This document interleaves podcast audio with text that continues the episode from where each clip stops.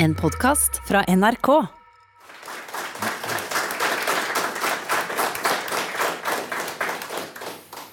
Tusen takk. Et halvt år etter at store deler av samfunnet stengte ned i møte med koronapandemien, ser vi nå en økende skepsis over hele Europa mot de strenge tiltakene for å bekjempe viruset. I Norge har FHI uttrykt bekymring for at skepsisen skal øke også i Norge. En skepsis som fram til nylig stort sett har kommet til uttrykk i sosiale medier og unndratt fra det offentlige ordskiftet og dialog med myndighetene og fageksperter. I det siste har vi også sett eksempler på at fagpersoner har uttrykt skepsis mot tiltakene. Men hvor farlig er egentlig koronaviruset? Og er kostnaden for å bekjempe det for høy?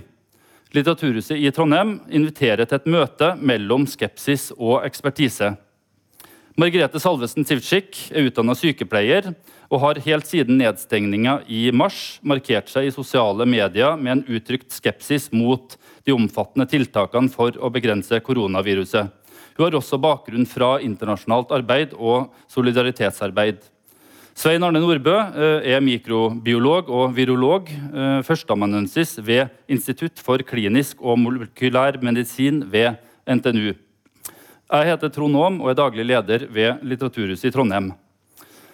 Første spørsmål, eh, Nordbø og Tsivtsjik. Hvor farlig er koronaviruset egentlig? Hvis jeg får lov til å innlede litt med uh, hva koronavirus er for noe.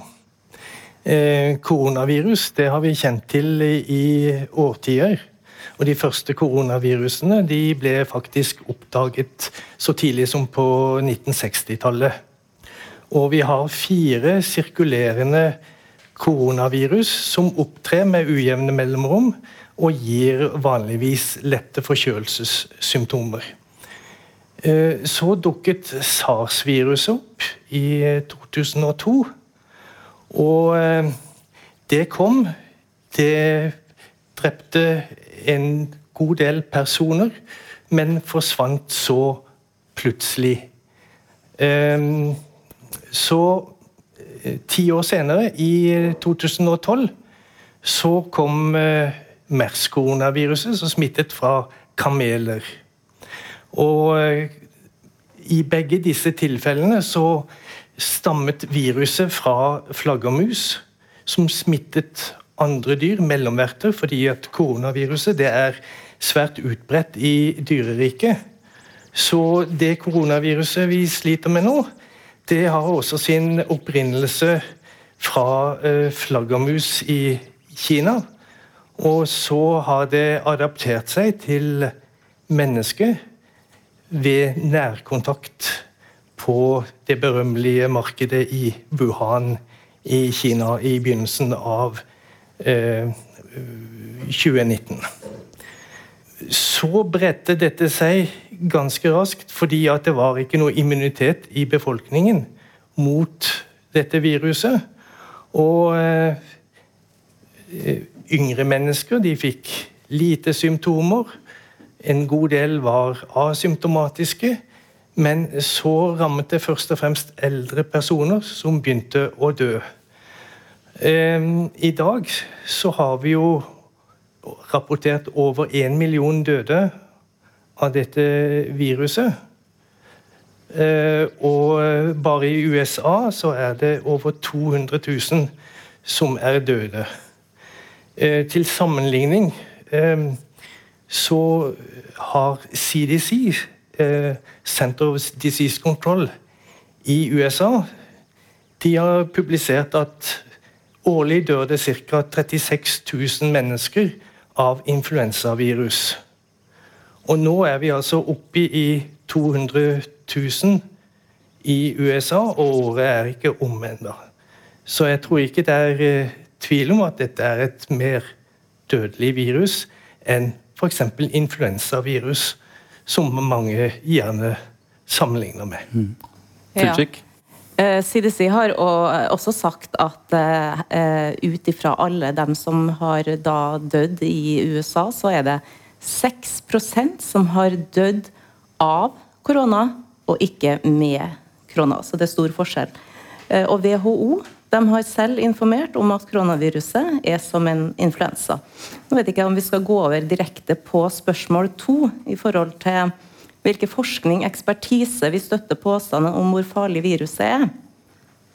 For da eh, kan jeg fortelle at WHO nylig publiserte en fagfyllevurdert artikkel av den anerkjente epidemiologen Jon Ioanninis om dødeligheten av covid-19, som viser at dødeligheten av viruset i forhold til alle smittede ligger på mellom 0,05% i gjennomsnitt for dem som er under 70 år. Det er mye lavere enn for vanlig influensa. WHO sier at de mener at omtrent, eh, en, nei, eh, omtrent 10% av verden har blitt smitta av covid-19. Og hvis 10% har blitt smitta, så er det 800 millioner tilfeller. Det globale antallet dødsfall som for tida tilskreves covid-19-infeksjoner, er litt i overkant av 1,1 millioner. Det er en dødsrate på infeksjoner på omtrent eller 0,14% som er helt i tråd med sesonginfluensa og spådommen fra mange eksperter fra hele verden. Til sammenligning, en vanlig influensas IFR er rundt 0,1% og en hard influensa er mellom 0,2 og 0,3. Og da med tanke på overrapportering, som jeg nevnte her i stad, det her med å dø av og det her å dø med korona av påståtte covid-dødsfall, er den sannsynligvis enda lavere enn 0,14. Så det kan vise at covid-19 er mye mindre farlig enn influensa. Og Det samme har åtte norske forskere kommet fram til en norsk studie som ble publisert i april, som konkluderte med at flere faktisk ville dø av influensa enn covid-19. Nå er det under 300 som er døde i Norge av koronaviruset, og det er i dag ingen på intensiven og ingen i respirator. Fortsatt så er gjennomsnittsalderen på døde ca. 82 år, som er nær gjennomsnittlig dødsalder i Norge. For folk under 80 80 år så har denne epidemien knapt vært dødelig. Mm.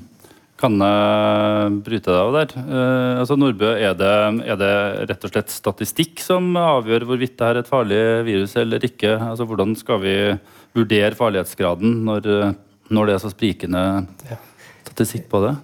Det er klart. Um, man må ta de eh, statistiske beregningene med, med en knype salt. For det er helt avhengig av hva eh, er utgangspunktet for disse statistikkene. Er det diagnostiserte tilfeller av f.eks. influensa og covid-19? Eller er det, som eh, man ofte ser når det gjelder influensastatistikk, at det er antall uh, influensalignende sykdom? som inngår i, eh, i, den statistikken. Så det man må forholde seg til, først og fremst, det er jo de eh, tilfellene hvor man kan dokumentere at viruset er årsak til dødsfall. Mm. Det er klart det gjelder covid-19 og det gjelder influensavirus. At mange dør med viruset og ikke av viruset.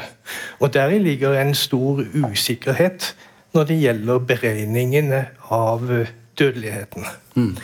Men uh, på en annen side så må vi se litt på uh, hvordan dette fungerer i, i hverdagen. Uh, vi har jo frist i minne hva som skjedde i Sverige da intensivavdelingene ble overfylt med respiratorpasienter. Nei, ikke i Sverige. Det har aldri skjedd i Sverige. Ja, de var iallfall ganske fulle. Nei, det har aldri vært tilfellet i Sverige. I Italia så har det det. Ja, Men, Men har vi sett det med influensa? Ja, da kan jeg nevne et eksempel her. Eh, Halvor Næss, professor ved Klinisk institutt ved Universitetet i Bergen, eh, forteller om da han var avdelingsoverlege på medisinsk avdeling i Bergen og hadde det overordna medisinske ansvaret i 2000-2001 da ble sykehuset over natta ramma av en influensaepidemi. og Gjennomsnittlig antall innleggelser i døgnet gikk da opp fra 15 til 25. På tre uker så ble 1000 pasienter innlagt på sykehus med influensa bare i Bergen. Influensaepidemien i Bergen i 2000-2001 varte bare i tre uker, og den er for lengst glemt av de fleste. Men den gikk over i historien uten ødeleggende langsiktige konsekvenser, slik strategien mot covid-19 allerede forårsaker. Spørsmålet er når myndighetene innser at covid-19-epidemien ligner på influensaepidemi og bør håndteres deretter. Og det som professor Halvor Næss også sier, er at det ser ut som at journalister, politikere og mange leger mangler perspektiv når det gjelder å sette covid-19 i en større sammenheng, og ikke evner å gjøre fornuftige avveininger til det beste for befolkninga, som vi nettopp snakka om. Sentrale myndigheter var mer eller mindre uviten om epidemien som ble håndtert på en kjempegod måte, uten at den vakte oppsikt eller frykt blant Bergens befolkning i 2000 og 2001.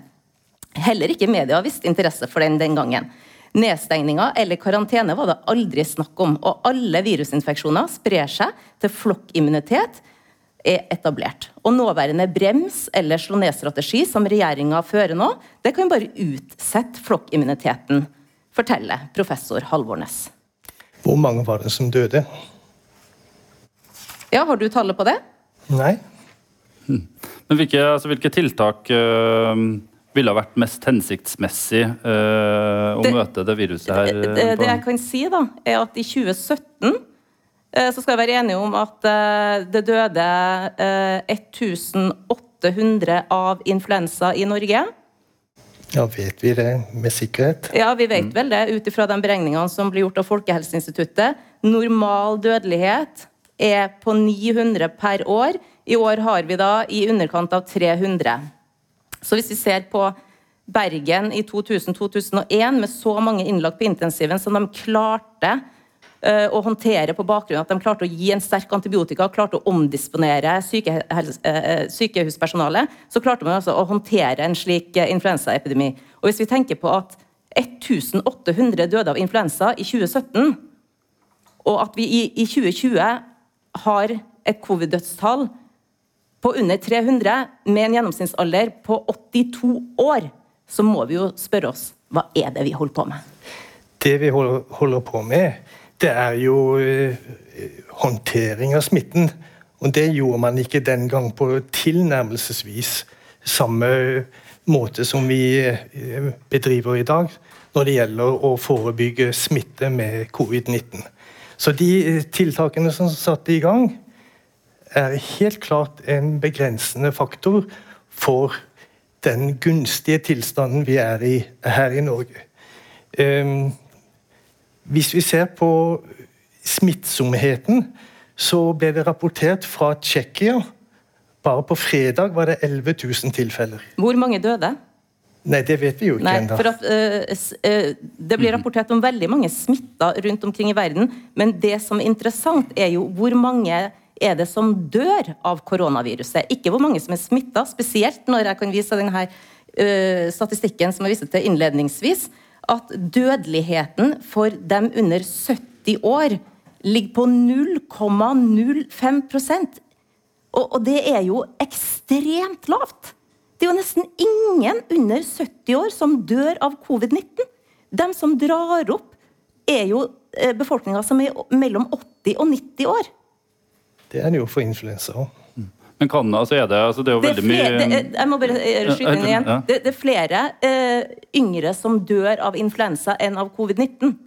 Men, eh, men altså er jo, nå er det veldig mye tall her, og vi er vel enige om at uh, statistikken er usikker. Uh, det finnes folk som dør med korona, noen dør uh, av. og Hvor mange som i realitet er smitta, er veldig vanskelig å vite. Men altså, kan man si noe om virusets karakter som sådan, som rettferdiggjør bestemte typer tiltak i forhold til vanlig influensa? De smitter jo mye på samme måte. Det er jo snakk om dråpesmitte og kontaktsmitte. Så eh, eh, Smitteverntiltakene er vel egentlig nokså sammenlignbare. Eh, men poenget er det at influensa sirkulerer og forandrer seg fra år til år. Og de fleste av oss som har levd en stund, vi har eh, eh, delvis beskyttelse mot enkelte typer influensavirus. Og det er stor forskjell på ulike influensautbrudd. Du har eh, f.eks. fugleinfluensaen, mm. som er det vi frykter mest, som har en veldig høy dødelighet. Og så har vi svineinfluensaen, som var eh, veldig lite dødelig. Og der var jo faktisk tilfellet slik at det var relativt flere yngre som ble rammet enn eldre, fordi at eldre hadde vært borti lignende virus før og var delvis beskyttet. Så vi må absolutt se på de ulike aldersgruppene og hva slags type virus som er ute og går, for å kunne gjøre direkte sammenligninger. Men eh, altså, Hvordan mener dere at den mest hensiktsmessige måten å, å bekjempe koronaviruset vil, eh, vil være? Det, kan du ta det først? da? Ja. Eh, nei, det vil være helt enkle hygienetiltak som å Eh, være flink med håndhygiene. Eh, det å holde avstand, nys i albuen. Eh, det å være hjemme når man er syk, er veldig viktig.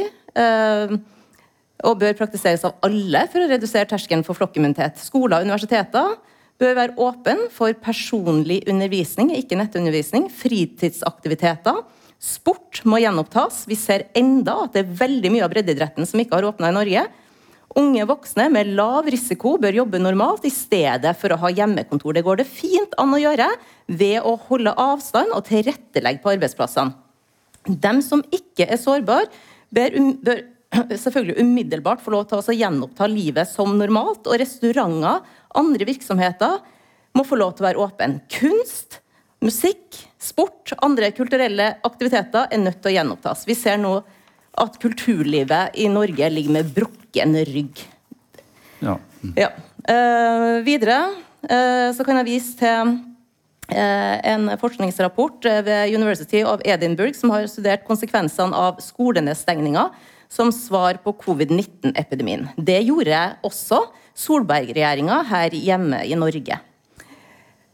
Og de har kommet fram til at sjøl om antall smittede Eh, som Nordbø sier, holdes nede eh, ved nedstengning, så er det på kort sikt. Men på lang sikt så vil det fløre, føre til flere dødsfall.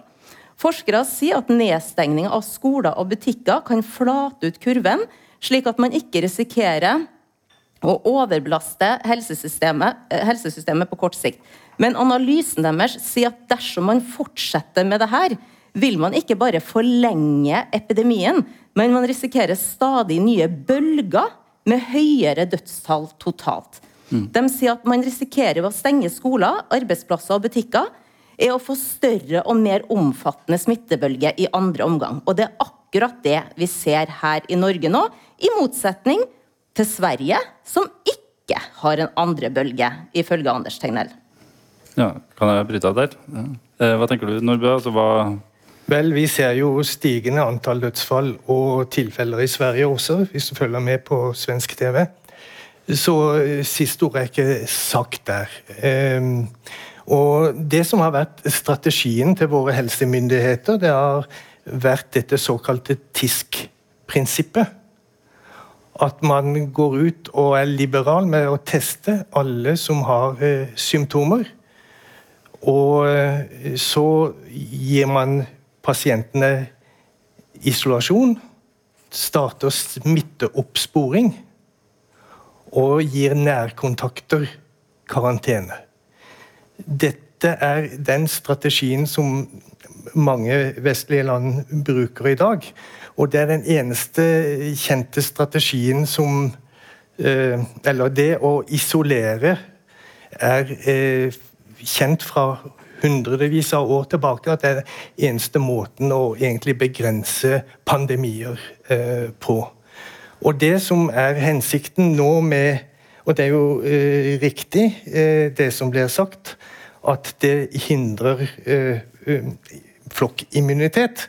Men Sverige lyktes jo ikke å få noe flokkimmunitet. Jo, Sverige har lyktes med det. Det de mislyktes med, det var at smitten kom inn på sykehjemmene. Og det har de jo innrømt og sagt at de ikke gjorde en god nok jobb der. Men de har klart å etablere flokkimmunitet i befolkninga. Men smitten var allerede i Sverige på et tidligere tidspunkt enn hva den var i Norge. Så da må man se på når kom pandemien? Hvilken fase var den i? Vi klarte å, å stoppe pandemien, og den var allerede på retur har FHI sagt når vi valgte å stenge ned samfunnet. Mens i Sverige så klarte de ikke å beskytte de eldre på sykehjemmene. Men utover det så har Sverige lyktes i sin strategi. Og de har til og med blitt rosa av WHO for sin strategi. Og bedt andre land om å ta lærdom av den strategien som Sverige har ført. Ja, Der er det jo andre eksperter som ja, jeg refererer til WHO. Men altså, det er jo, altså, Viruset har blitt møtt av et uh, ganske bredt spekter av ulike tiltak. da. Uh, noen uh, er jo veldig strenge, som fullstendig lockdown, og barn får ikke lov til å besøke besteforeldre, og, og besøksforbud. Og andre kanskje mindre inngripende tiltak som det du nevner, Sivchik, som å holde avstand og holde, ha generell god håndhygiene. Men altså, hvor strenge tiltak rett, rettferdiggjør det egentlig? Det er en veldig vanskelig grenseoppgang. For det er klart, det, det medfører jo sterk eh, inngripen i, i, folks privatliv og i næringslivet. Og eh, ikke minst økonomien, eh, jobber osv. Så, videre. så det er det egentlig kun ettertiden som kan si oss noe om. Hvilken strategi var det som var den beste, når vi ser på forskjellige tilnærminger til dette. Så hovedhensikten med denne lockdownen og denne intensiverte smitteoppsporingen, det er jo nettopp å få ned smittereservoaret i befolkningen inntil vi får en vaksine. Som er det som først og fremst kan gi den raskeste flokkimmuniteten. Og jeg vil gjerne spørre om hva slags dokumentasjon som finnes for at man har oppnådd flokkimmunitet i Sverige? Ja, men da lurer jeg på Hvilken dokumentasjon finnes det òg da på at, at, at, man blir immun, og at man oppnår flokkimmunitet med vaksine? Uh, det er vel stor uh, hvordan, hvordan, ser det ut uh, i forhold til tidligere forkjølelsesvirus og influensa når det, når det, kommer til vaksine? Har vi en garanti på at når den vaksina kommer, så vil vi oppnå flokkimmunitet? Vi vil jo ikke det. Men det vi ser, er jo at smitten er mye mindre i Sverige. Det er den laveste smitten i hele Europa. Og noe vil jo da tyde på at de har oppnådd flokkimmunitet, siden de har det, det laveste smitteantallet i hele Europa? Nei, jeg forstår ikke riktig hvor du har den informasjonen fra. Nei, Den informasjonen den har jeg fra Anders Tegnell. Men uh, jeg vil gjerne tilbake til spørsmålet Trond, som ja, ja. du stilte. Uh, og jeg mm. tenker at Selvfølgelig så kan vi vedta tiltak for å, å, beskytte de utsatte. Det er ikke noe vi skal sitte og vente på og ta en oppsummering på når vi er ferdig med pandemien. Her bør det sentrale spørsmålet uh, for helsemessige tiltak på covid-19 være et eksempel. da. Så bør sykehjem bruke ansatte med erverva immunitet, og man bør utføre hyppig PCR-testing av personalet og besøkende. Rotasjon av personalet bør minimeres. Og pensjonister som bor hjemme, de kan få dagligvarer og andre nødvendigheter levert hjem til seg, f.eks. av hjemmesykepleien. Og hvis det er mulig, nå er det jo vinter, men så lenge det er grei temperatur og det er mulighet for å være ute, så bør jo familiemedlemmer møtes utenfor i stedet for inne. Det er f.eks. Eh, en, en god løsning som jeg tenker Eh, eh, helsemyndighetene i Norge burde ha sett på for lenge siden. Og jeg forstår ikke at man ikke har iverksatt sånne tiltak allerede. Ja, altså Mange av de som er kritiske til en håndtering av koronaepidemien, slutter opp om eh, noe som da blir kalt The, The Great Barrington Declaration, som kort oppsummert består av at sårbare grupper skal skjermes, men at alle som ikke er i sårbare grupper, bør leve livene sine mest mulig som normalt. Puber, skoler, idrett osv. Uh, og er det en god idé? Uh, og hvilke konsekvenser vil en slik tilnærming uh, få? Ja, man forsøkte jo det i Sverige. Uh, og den var vel ikke helt, helt vellykket. Jeg tror ikke det siste ordet er sagt enda når det gjelder hvordan det kommer til å, å, å gå med befolkningen der. Hvor mange under 70 år har dødd av korona i Sverige? Nei, det har jeg ikke tall på, men det er sannsynligvis ikke mange. Nei. Så vi snakker fremdeles om eldreomsorgen, vi snakker fremdeles om sykehjem hvor smitte kommer inn. Vi har òg smitte som kommer inn på norske sykehus hvert eneste år. Vi har virus som kommer inn hvert eneste år hvor vi får epidemier også på norske sykehjem. Det vet jo jeg som har jobba som sykepleier på norsk sykehjem. Vi vet at det dør veldig mange eldre av infeksjonssykdom. Det er jo stort sett det man dør av. Hvis vinduet står litt på gløtt, så kan man få en lungebetennelse. Men det betyr ikke at vi skal slutte å ha vinduene åpne i Norge for det. Ikke uenig i det. Nei. Men eh, altså, nå har jo det pågått ganske lenge, og det virker jo som om det, det vil pågå en stund til også. Kanskje med økende uenighet om, eh, om tiltak og sånn, men, men, i hvert fall at det fortsetter en stund til. Men altså, vet vi noe om hvor lenge vi må regne med at denne koronasituasjonen vil vare?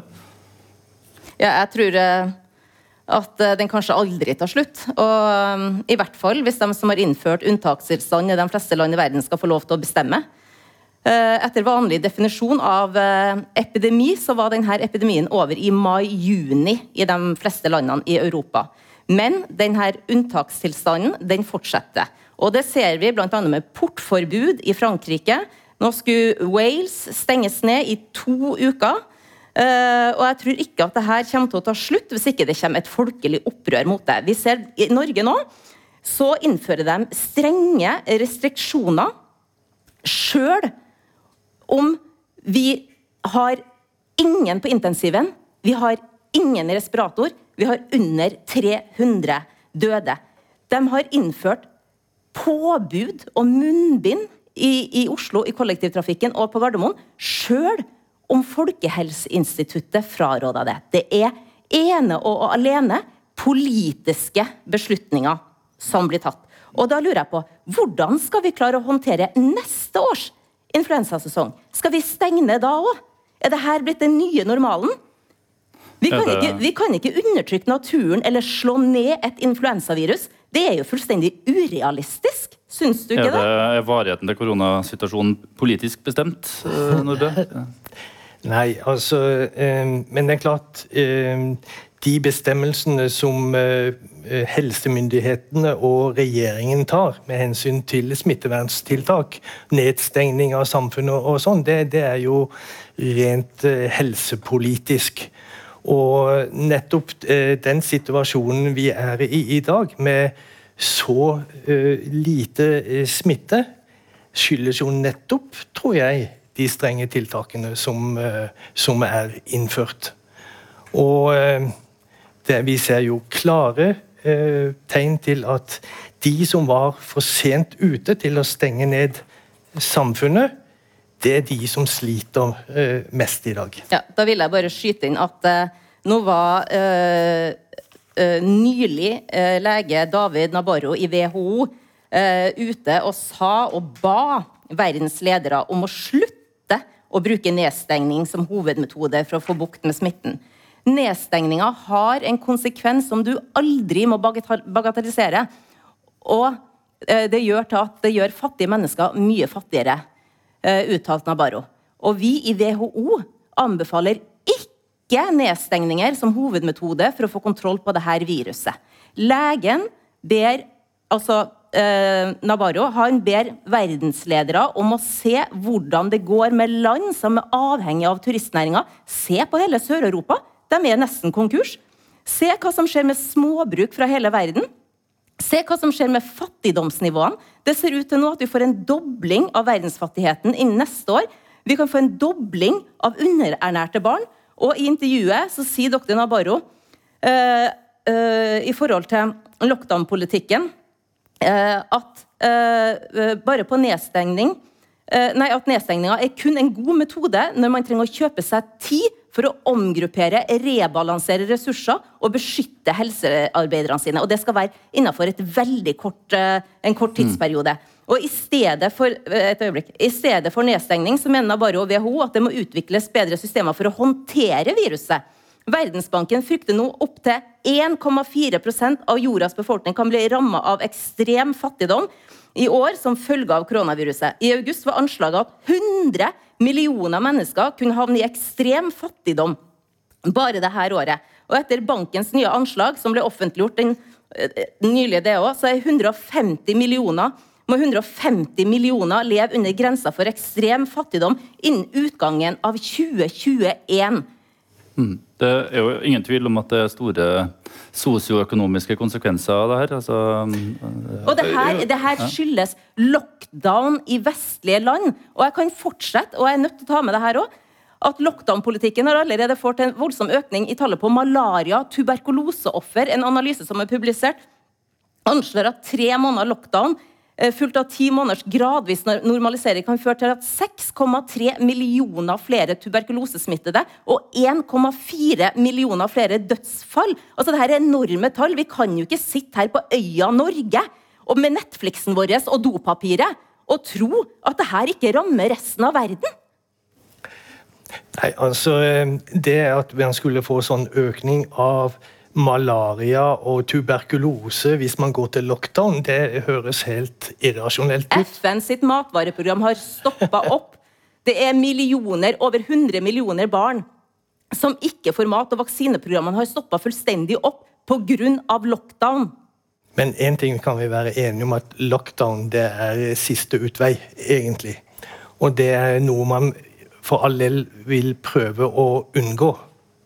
Og, eh, så Derfor syns jeg jo nettopp at den strategien som Helsedirektoratet har lagt opp til, med utpreget eller hyppig testing, sporing, isolasjon Hvorfor skal vi isolere eh, friske mennesker? Hvorfor skal vi drive på med denne hyppige testinga? FHI gikk ut og sa tidlig i pandemien at vi ikke skulle teste hyppig fordi nettopp at så mange friske mennesker sitter i karantene? Hva med barn? Hva med ungdom som går på, på, på barneskole, ungdomsskole, videregående skole? Hvis én blir testa for korona og, og tester positivt, så må hele skolen, altså tusenvis av barn i Norge, ha blitt satt i karantene. Så sitter de da ti dager isolert uten å få lov til å være sosial med vennene sine. Så kommer de tilbake på skolen, så går det kanskje to uker, så blir enda en smitta, så er det tilbake ti dager. Hvordan påvirker det her ungene våre? Hvordan påvirker det det, det, det, psykososiale, hvordan påvirker det oss voksne mennesker å aldri vite, aldri ha noe forutsigbarhet på hva som vil skje i morgen? Og hvor lenge skal det fortsette? Hvor lenge skal vi torturere ungene våre på den måten her? Hvor lenge skal de ikke få lov til å drive på med idrett? Hvor lenge skal de ikke få lov til å, å, å, å vite at, at, de kan dra på et stevne? Hvor lenge skal de uh, gå rundt og aldri vite om de får lov til å feire bursdagen sin? Altså, det her er friske folk som ikke blir syke. Hvor lenge skal vi holde på? Gjennomsnittsalderen er 82 år! Det er under 300 døde i Norge. Eh, hvordan vil du forhindre at viruset smitter, da? Med vanlige, vanlige smitteverntiltak som håndhygiene, holde avstand. Risikogruppene er faktisk nødt til å kunne håndtere en pandemi. Det samme gjelder jo allergikere. Vi slutter nytter jo ikke å selge peanøtter sjøl om noen har nøtteallergi. Altså, Vi er nødt til å ta ansvar for egen helse. Allergikere gjør det hvert eneste år. Og det samme må eldre, det samme må dem som har dårlig immunforsvar. Er du under behandling eller du har kreft og du har et svakt immunforsvar, så tar du forhåndsregler. Du er nødt til å beskytte deg sjøl, og det har vi gjort til alle tider. Dette er et gigantisk eksperiment, det som vi foretar oss nå. Det har aldri noensinne skjedd i menneskeheten at vi har stengt ned økonomien i alle verdens land. Det som skjer, er at vi krasjer hele verdensøkonomien. De fattigere blir fattigere. De tolv rikeste har blitt 40% rikere. Hvor er det vi er på vei hen? Ja, Nordbø, hvor, lenge har vi råd til å holde på med, med de strenge smitteverntiltakene? Nei, Det er eh, begrenset hvor, hvor lenge man kan uh, holde på. Men uh, man kan kanskje ha en smule tålmodighet til man får vaksine på, på banen. Og det, det jeg har lyst til å forfølge litt dette med vaksine. Fordi at vi er tross alt i den situasjonen i dag at vi har ingen antivirale midler som virker effektivt. Altså, vi kan ikke drepe viruset med medisiner. Um, og uh, Sånn at vi står egentlig på bar bakke der inntil vi får vaksine som vi vet og håper kan hjelpe betydelig på smitteutbredningen. Og vi har gode og vi har dårlige vaksiner. Men i, mellomtida så kaster vi hundrevis av tusen ut i arbeidsledighet. Jo, men tenk på alle de man kan forhindre får vi viruset, hvis vi da Men det er jo ingen under 70 år som dør. Jo, det, men det er få. Ja, og Men, hvor eh, mange hundre tusen? Vi har, vi har, vi har jo nå mange hundre tusen i, i arbeidsledighet. Vi har mange barn som Men, vi eh, men vent litt, altså det med vaksine. altså Kan vi regne med at vi får en velfungerende vaksine som dekker alle de nye variantene av korona som, eh, som dukker opp nå? Eh, Sånn som det ser ut i dag, så har vi altså et eh, virus som det finnes mange forskjellige varianter av. Men forskjellen er veldig liten. Og resultatene av vaksineutprøving så langt har vist at eh, det ikke ser, at det ser ut til at de vaksinene som er lengst fremme, eh, vil kunne ta de variantene som er ute. Men viruset muterer hele tiden, men heldigvis er dette et virus som muterer lite i forhold til mange andre luftveisvirus, som f.eks. influensavirus. Og det er målt god beskyttelsesevne både med antistoffer og med kroppens egen immunforsvar. Så det ser lovende ut, men man vet jo aldri før man har prøvd dette i praksis på tilstrekkelig mange tusen pasienter. Og det er det som pågår nå. ja, det, Men uh, hvis jeg kan uh, gå litt uh, videre, Tsivcik. altså du altså Jeg vil gjerne utfordre deg liksom konkret på, på, på hva, hva du altså legger i dette. For at hvis, hvis du da skulle ha rett i at viruset er mindre farlig enn det myndighetene i så å si hele verden legger til grunn, hvordan forklarer hvordan forklarer du at de reagerer med så sterke tiltak? Eh, altså Hvilken motivasjon skulle de ha hatt eh, for, for den nedstengning og smitte, eh, altså smitte, de smitteverntiltakene som er satt i gang? For det er jo, det er jo vanvittig dyrt. Ja, og det her er jo noe som jeg har tenkt veldig mye på. Og jeg har ikke svarene, men eh, det her er et spørsmål som vi er nødt til å stille til myndighetene verden over. Vi vet at gjennomsnittsalderen eh, på dem som da er døde i Norge, er på 82 år. Og samtidig så vet vi at langt over 100 millioner mennesker er kasta ut i ekstrem fattigdom. Så det betyr at svært mange barn og unge vil dø av sult pga. nedstengningspolitikken. Og sånn fortsetter det. Og det er helt klart at de økonomiske konsekvensene og nedgangen i økonomien vil gi et enormt fremtidig helsetap over hele verden. Og hvordan skal vi klare i Vesten å opprettholde sykehus hvis alle landene går konkurs, hvordan skal det gå med sykehusene i Spania? Hvordan skal det gå med sykehusene i Italia? Mange av landene nå er på randen av konkurs. Og, og, og hvordan skal man klare å ta vare på folkehelsa hvis ikke det finnes godt helsevesen og sykehus? Og enkel hoderegning sier jo at dette regnestykket ikke går opp. Tiltakene står rett og slett ikke til konsekvensene. Tenk hvis vi kunne ha brukt alle de her milliardene som koronakrisa har kosta på forskning og behandling av kreft. Eller vi kunne ha gitt mennesker med alvorlige psykiske lidelser et bedre behandlingstilbud. Alt handler til syvende og sist om prioritering mellom ulike grupper i samfunnet. Og tilbake igjen. Siden det ble erklært pandemi, så har den samla formuen til de tolv rikeste milliardærene økt med nesten 40% Mens små og mellomstore bedrifter forsvinner, så øker formuen til de aller rikeste. Og dette er den verste krisa som har ramma menneskeheten siden andre verdenskrig. Og mesteparten av dette skyldes kun politiske vedtak. Og for første gang Men ja, hvis jeg kan Ja. eh, bryte inn, da. Uh, altså det, er jo, mm, det er jo politiske beslutninger som er gjort uh, i samråd med Ja, på på Men- bakgrunn av en rapport, og det var rapporten til professor Ferguson som ble publisert fra Imperial College 26.3.2020. Og der het det at dersom man ikke gjorde noe tiltak, så ville 40 millioner mennesker dø. Men hvis man gjennomførte politikken med nedstenging og sosial distansering, så ville man kunne redusere antallet til 10 millioner. De her tallene har vist seg å være totalt ute av proporsjoner med det som virkelig har skjedd.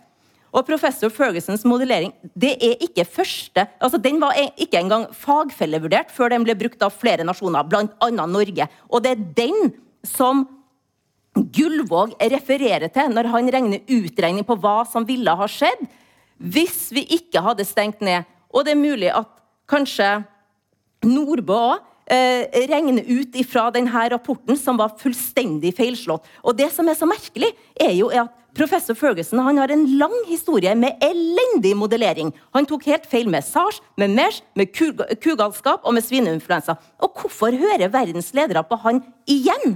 Ja, nei, men altså, det, altså, Spørsmålet her er jo egentlig altså, vi, altså, Politikerne fatter jo beslutninger i tråd med, med det de oppfatter er helsemyndighetenes råd, veid opp imot nei, andre hensyn. Ja, nei, nei, ikke i Norge. Jo, nei, men vent, vent, vent, litt.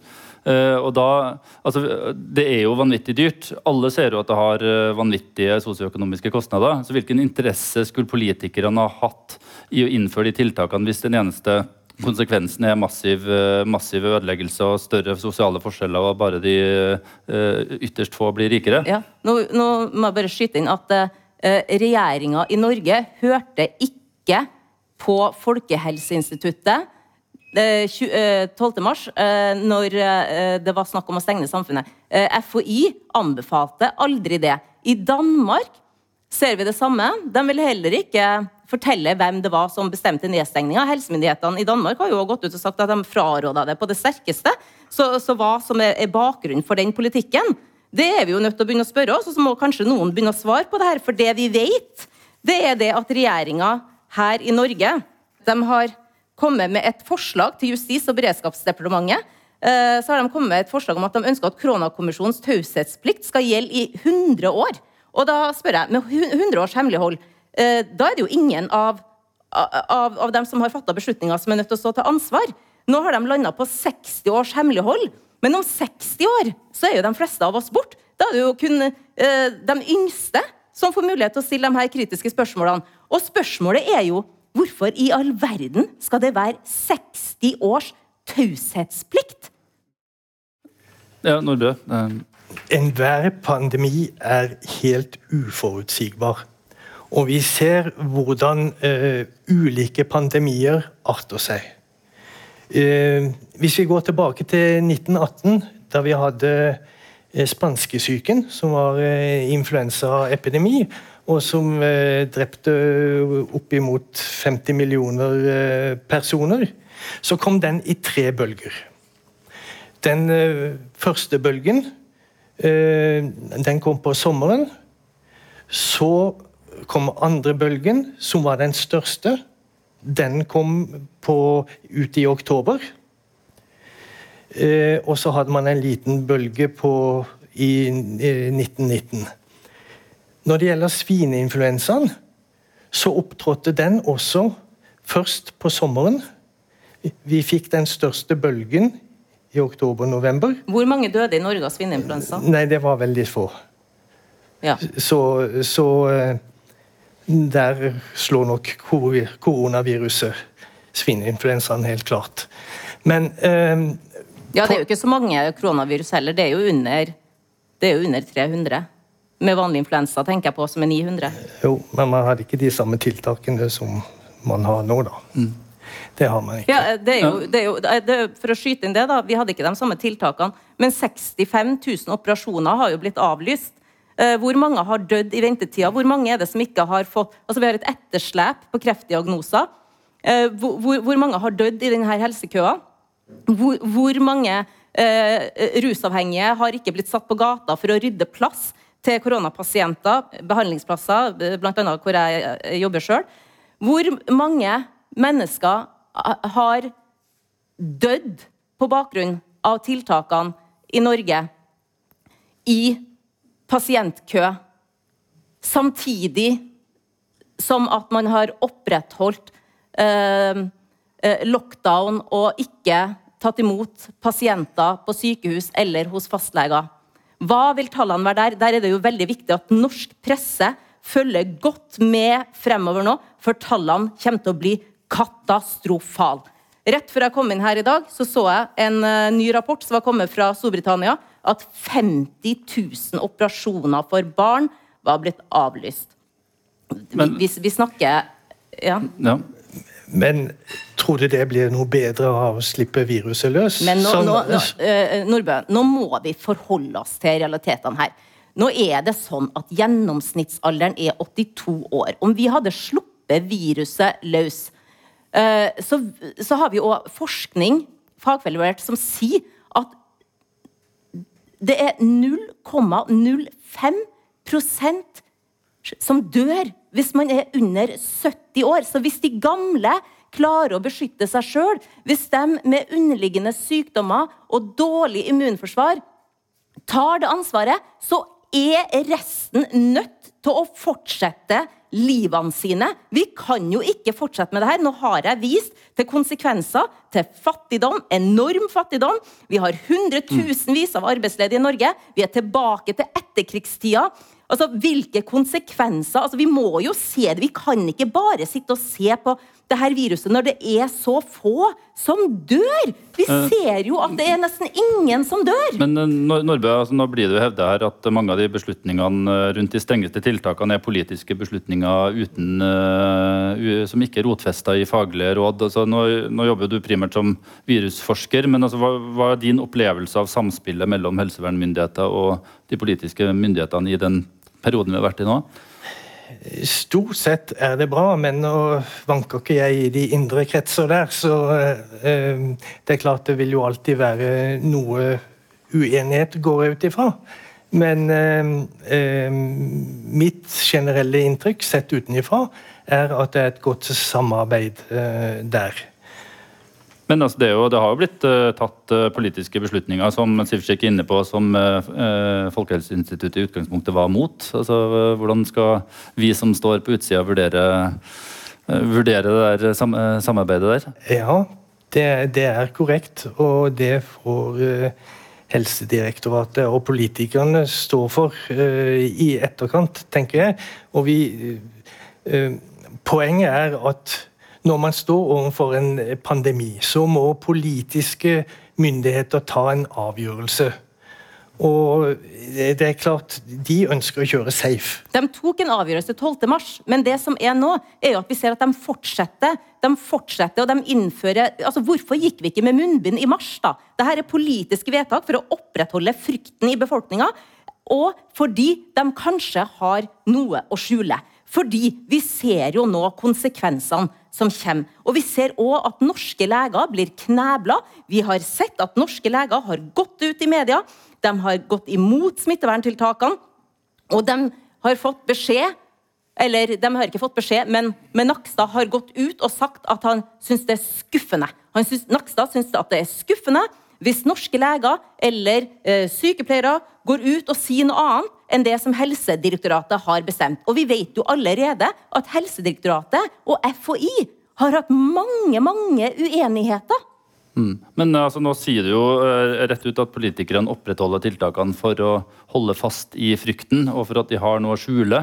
Uh, altså, Nei, ikke for å, altså, for å, ha noe å skjule. Altså, de, de, kan ikke skjule det lenger. Vi ser jo at det står hundretusenvis i Nav-kø. Det er ganske åpenbart. Mm.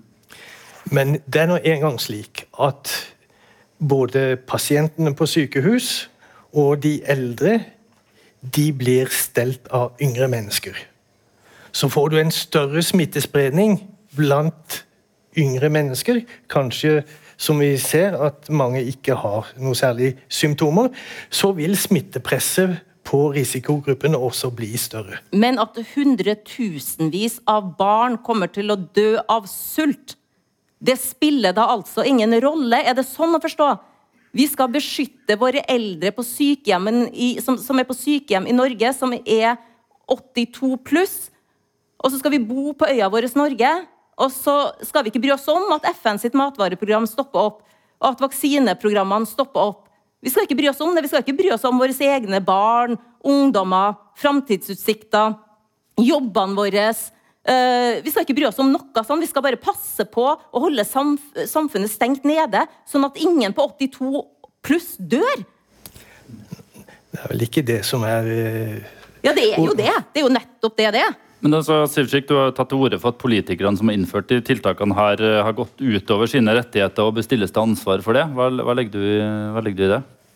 Ja, nei, Når jeg sier at de bør stilles til ansvar, så um Eh, er det jo klart at eh, man eh, har jo tatt beslutninger her som, som flere begynner å stille spørsmålstegn ved. Det, altså, hva, det, det, som vi har vært utsatt for, det har jo vært helt unaturlig. Og det å prøve å legge lokk på det som har skjedd, og det som vi fremdeles er utsatt for, det er jo å, å, som å legge lokk på en trykkoker som ikke kommer til å vare veldig lenge. Og det er klart at Stadig flere er jo nødt, eller vil jo eh, stille seg de samme spørsmålene også i Norge når det går opp for folk flest hvor ufarlig det her viruset har vært, og hvordan nedstengninga har ramma folk direkte. Og, ja. Ja? Men, men altså, jeg, jeg, jeg tror det er ingen som ønsker en komplett lockdown, hvis det er mulig å unngå. Og eh, det er jo nettopp det som eh, den strategien til Helsedirektoratet eh, har har som målsetting. Det er at man har en kontrollerbar spredning i befolkningen som man kan slå ned og isolere. Slik at man ikke får en ukontrollert eh, smittespredning. Ja, men nå har det jo vist seg at denne slå ned-strategien har jo vært fullstendig mislykka. Vi ser jo at smitten blomstrer opp. Vi kan jo ikke undertrykke naturen. Altså, det, det, vi kan jo ikke fortsette sånn e, hvert eneste år. Hver eneste influensasesong at vi skal stenge ned samfunnet. Vi har jo aldri gjort det her tidligere. Og det er klart at Selvfølgelig skal politikere stå til ansvar for beslutningene som de har tatt, og, og fortsatt tar, som har så store implikasjoner på folkehelsa vår og på samfunnsutviklinga vår. Og konsekvensene av å stenge ned sender jo det sender jo nordmenn i avgrunnen, både økonomisk og helsemessig. Og de helsemessige konsekvensene av nedstengninga er jo enorm. Ja. Altså nå, har jo, altså nå har jo vi nordmenn oppført oss uh, veldig lojalt uh, i det store i det hele til øh, tiltakene som har vært fram til nå. Men altså bakgrunnen for samtalen vi arrangerer i dag, er jo at vi ser en økende skepsis over hele Europa. Det har vært demonstrasjoner i mange land, England, Tyskland osv. Nærmest opprør enkelte steder. Og nå er jo FHI bekymra for at den samme eh, skepsisen skal komme til Norge. Og altså, i, I hvor stor grad er det en trussel mot, uh, mot uh, håndteringa av koronaen? Nå lever jo vi i lykkeland i forhold til mange andre stater lenger sør i Europa. Ja, Det er ikke lykkeland for oss som jobber i psykiatrien og for oss som jobber med unger, som, som klarer å se et større bilde enn en, en dem som ikke klarer å se det. da. Vi som er ute og, og, og, og ser konsekvensene av nedstengninga og skolenedstengning og, ja. og isolasjon. Ja, det var ikke det. Det var kanskje eh, litt feil ordvalg. Men eh, vi er tross alt eh, på den grønne gren, så smittemessig i forhold til de, fleste andre land vi kan sammenligne oss med. Så, og det gjør at man kanskje kan gjøre litt mindre inngripende smitteverntiltak hvis man har kontroll på de utbruddene som kommer, fremfor en generell lockdown, som er et giganteksperiment. Og som har store økonomiske og, Men det og er, det, det er veldig inngripende å teste i så bredt omfang, sånn som vi gjør. Spesielt når vi vet at veldig mange av testene gir falske svar. Og når man setter tusenvis på tusenvis på tusenvis av mennesker i karantene, og barn som gang på gang blir isolert, så er det klart at det får enorme konsekvenser. Vi eh, begynner å nærme oss slutten nå, altså, men hva Ja, jeg vil gjerne svare på det siste spørsmålet. Ja, hva er, hva er på en måte det Ja, avgjørende det vi, budskapet? det, vi heldigvis, eh, det vi heldigvis opplever nå, det er jo et internasjonalt lege- og, og folkeopprør som brer seg i verden. Hvor ledende internasjonale epidemiologer og eksperter på smittsomme sykdommer og folkehelse har undertegna, som du tidligere nevnte, denne Great Barrington Declaration, Declaration og som um, uh, nå har fått støtte av eh, titusenvis av leger, forskere og helsearbeidere over hele verden. Uh, Og som nevnt tidligere så har også NRK meldt om at flere norske leger og eksperter har signert uh, oppropet, og det her er anerkjente fagfolk. Blant annet så er Dagfinn Harr, som inntil nylig var smittevernoverlege i Kristiansand, har signert, og tidligere redaktør for tidsskrift for Den norske legeforening, Charlotte Haug. Eh, Den koronapolitikken som er blitt fulgt i fleste land, er en gigantisk politisk skandale som tar veldig mange flere liv enn det, det som den angivelig skulle redde. Og den, har, det, den har påført verdenssamfunnet, og særlig de fattige, ubotelige skader som antageligvis vil merkes i generasjoner framover. Nordbø? Jeg er nødt til å komme med en liten kommentar. Det du sier med falske positive tester.